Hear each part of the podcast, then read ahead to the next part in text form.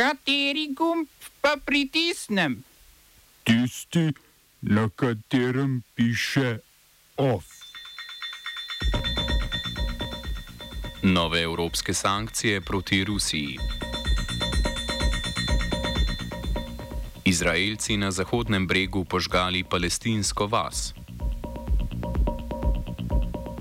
Policija nad protestnike v Angoli. Kordiševa frakcija dobila 15 od 25 voljenih članov sveta levice.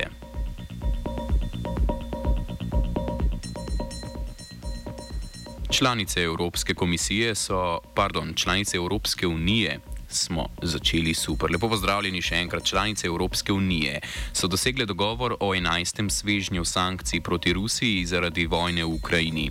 Vključeval bo omejevanje evropskega izvoza v Rusiji sosednje države, ki ne sodelujejo pri sankcijah, in ukrepe proti pravnim osebam. Namen je preprečitev ruskega uvažanja v Uniji sankcioniranega blaga prek podjetij v državah kot so Armenija, Uzbekistan, Kazahstan, pa tudi Kitajska, Združeni arabski emirati in Turčija. Rusija se je namreč po analizah Evropske komisije doslej uvedenim sankcijam uspešno izogibala z uvozom izdelkov prek podjetij registriranih v teh državah. Nov paket sankcij razširja tudi seznam pravnih in fizičnih oseb, ki jih v Uniji sumijo nezakonitega premeščanja ukrajinskih otrok v Rusijo.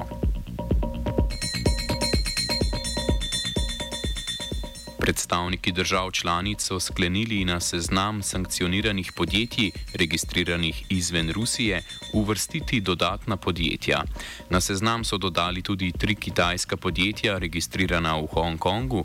V prvotnem osnutku novih sankcioniranih podjetij je bilo osem kitajskih podjetij, a je Nemčija pod vplivom kitajske uvedbo sankcij proti njim blokirala. Nemškemu kanclerju Olafu Šolcu je kitajski predsednik Xi Jinping obljubil, da bo na podjetja pritisnil naj nehajo poslovati z Rusijo.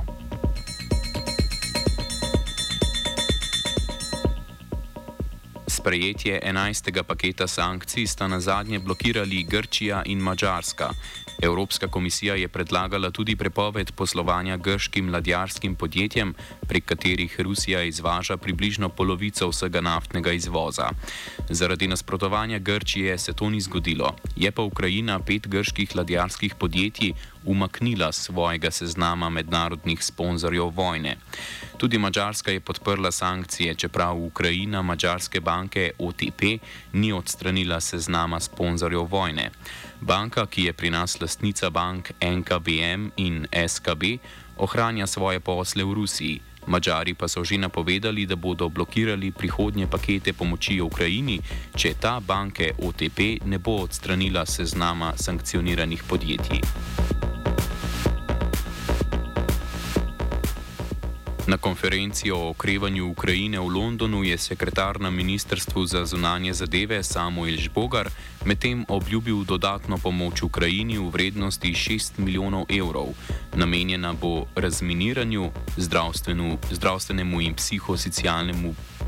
Zdravstveni in psihosocialni pomoči otrokom in družinam ter rehabilitaciji žrtev.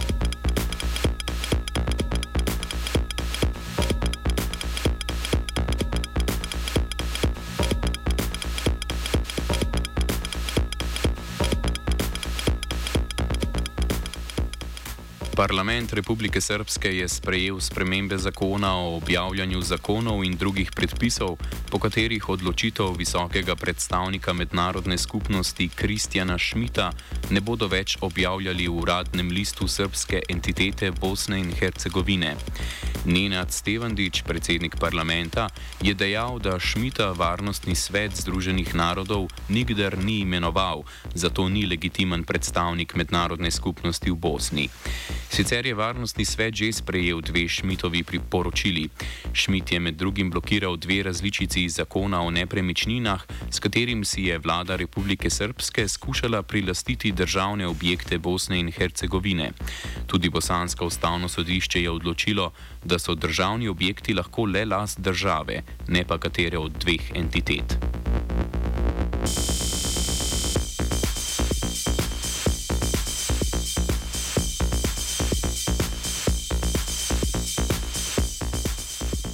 Jaroslav Kaczynski, predsednik vladajoče polske stranke Zakon in pravičnost in nekdani premijer, se vrača v vlado kot njen podpredsednik. Njegova naloga bo usklajevanje dela vlade. Kaczynski bo edini podpredsednik vlade in bo zamenjal štiri doslejšnje podpredsednike. V vlado se najvplivnejši polski politik vrača pred jesenskimi parlamentarnimi volitvami.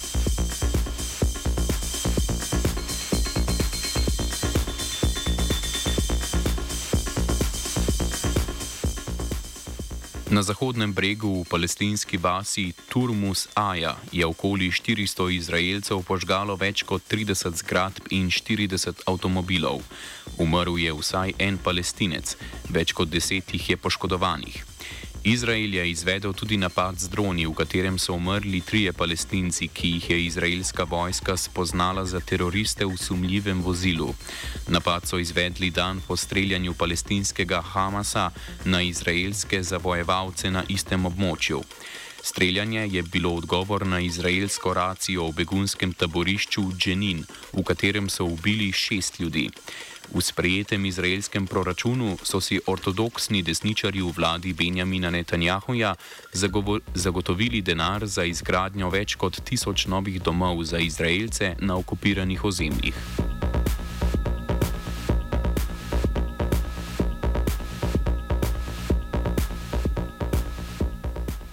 Angolska policija je zatrla proteste, ki so od sobote potekali zaradi vladne odločitve za znižanje subvencij za gorivo.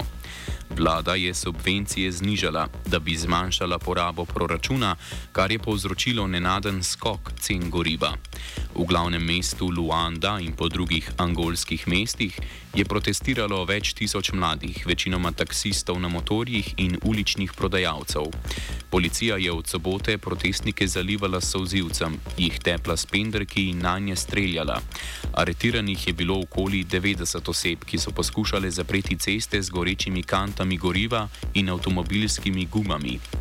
Od Angole sta znižanje subvencij zahtevala Svetovna banka in Mednarodni denarni sklad, kar, je angolska vlada naredila že maja, ko je cena litra benzina zvišala z 25 na 48 evrskih centov.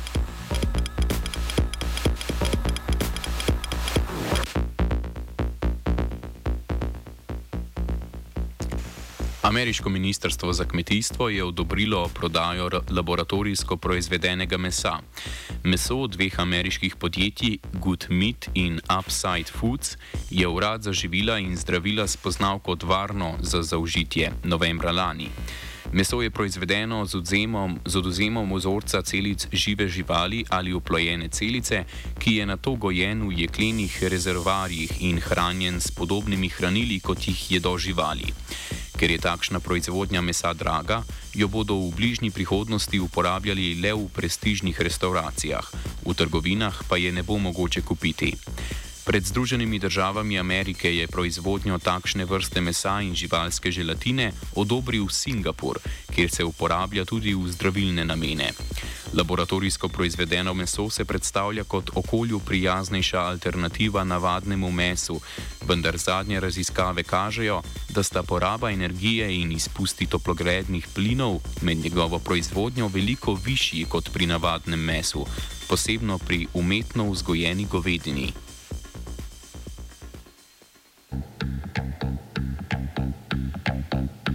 Smo se osamosvojili, nismo se pa osvobodili. Da si našteli še 500 projektov. Izpiljene modele, kako so se strani nekdanje LDS rotirali. Ko to dvoje zmešamo v pravilno zmes, dobimo zgodbo o uspehu. Takemu političnemu razvoju se reče udar. Jaz to vem, da je nezakonito, ampak kaj nam pa ostane? Brutalni obračun s politično korupcijo. To je Slovenija,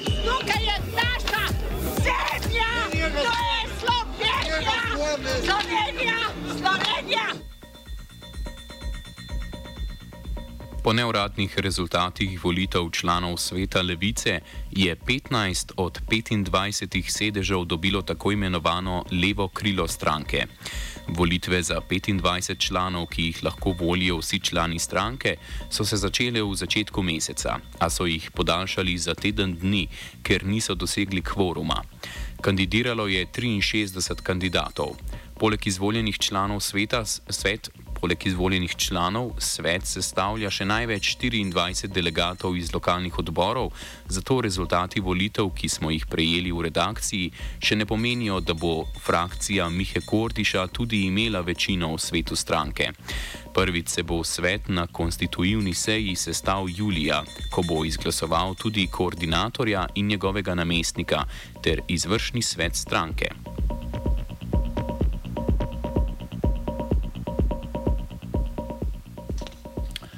Konstitutivni.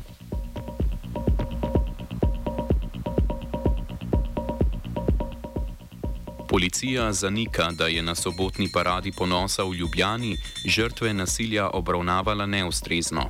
Kot so sporočili iz Ljubljanske policijske uprave, v dveh dneh pred parado ponosa niso prejeli informacij o načrtovanih kaznjivih dejanjih. Policisti so po lastnih besedah v največji možni meri varovali shod in preprečevali kazniva dejanja. Policist, ki se je fotografiral z enim izmed storilcev kaznivega dejanja, pa naj ne bi vedel, da je oseba povezana s kršitvami. Po mnenju policije gre za posamične dogodke, ki jih ni bilo mogoče predvideti. Policija zdaj poziva udeležence shoda, ki so doživeli nasilje, naj ga prijavijo. Predsednica društva Parada ponosa Simona Muršec pa trdi, da je policija ljudi, ki so se med shodom obrnili na njo zaradi ustrahovanja, od prijav odvračala. Na komentiranje policije se odzove Katja Štefanec, trenerka pri društvu Parada ponosa. Pomembno je, da imajo policaji primeren in bolj senzibilen odnos do oseb, ki pristopijo k njim na terenu. Občutek smo imeli, kot da se ne zavedajo dovolj, da gre za sovraštvo do neke manjšine um, in občutek je bil, kot da je bilo to sprejeto kot nekaj normalnega oziroma tako pač je. Ampak um, potrebno je, mislim, take vrste sovraštva je potrebno še bolj dosledno upoštevati in preganjati. Razumem, da je situacija, v kateri so se osebe, ki so bile napadene, znašle težka in da je lahko to zelo čustveno naporno. In še posebej ne, ko pač um, odnos um, recimo policaja ni bil primeren. Komisija za preprečevanje korupcije, krajše KPK, je pri delovanju Ljubljanskega univerzitetnega kliničnega centra ugotovila sum kaznivega dejanja zaradi domnevno prirejenega javnega naročila naprave za računalniško tomografijo in šestih rentgenskih naprav. Gre tudi za sum zlorabe uradnega položaja in uradnih pravic v povezavi z izvajanjem določb zakona o javnem naročanju. Na KPK je prijavo vložilo podjetje GH Holding, ki trdi, da je UKC v prirejeni prijavni dokumentaciji marca letos favoriziral enega ponudnika, Siemens, Siemens Healthcare. Javno naročilo je UKC Ljubljana začasno ustavil, v notranjem nadzoru pa niso ugotovili nobenih nepravilnosti. Kar gre za sum kaznivega dejanja, je KPK zadevo predala policiji.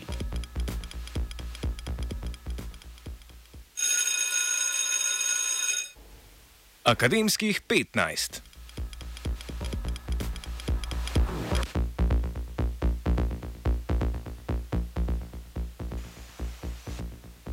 Državni zbor je potrdil novelo zakona o organizaciji in financiranju vzgoje in izobraževanja in s tem omogočil zaposlovanje strokovnjakov brez pedagoško-andragoškega znanja. Šole bodo v prihodnje lahko zaposlile kandidata, ki izpolnjuje pogoje glede stopnje in smeri izobrazbe, a še nima opravljenega strokovnega izpita za dve, ne več eno leto. Če pa bo v roku enega leta začel tudi pedagoško-andragoško izobraževanje, ga lahko zaposlijo za tri leta. V obeh primerjih bodo šole kandidatu zagotovile pogodbo za nedoločen čas, takoj, ko upravi strokovni izpit. Gašpr Ovnik iz Gibanja Svoboda je na seji dejal, da bo novela poskusila vsaj delno blažiti situacijo pomankanja učiteljev in vzgojiteljev, ki jih po trenutnih informacijah primankuje 4000. V naslednjih letih pa naj bi se zaradi množičnih upokojevanj situacija še poslabšala.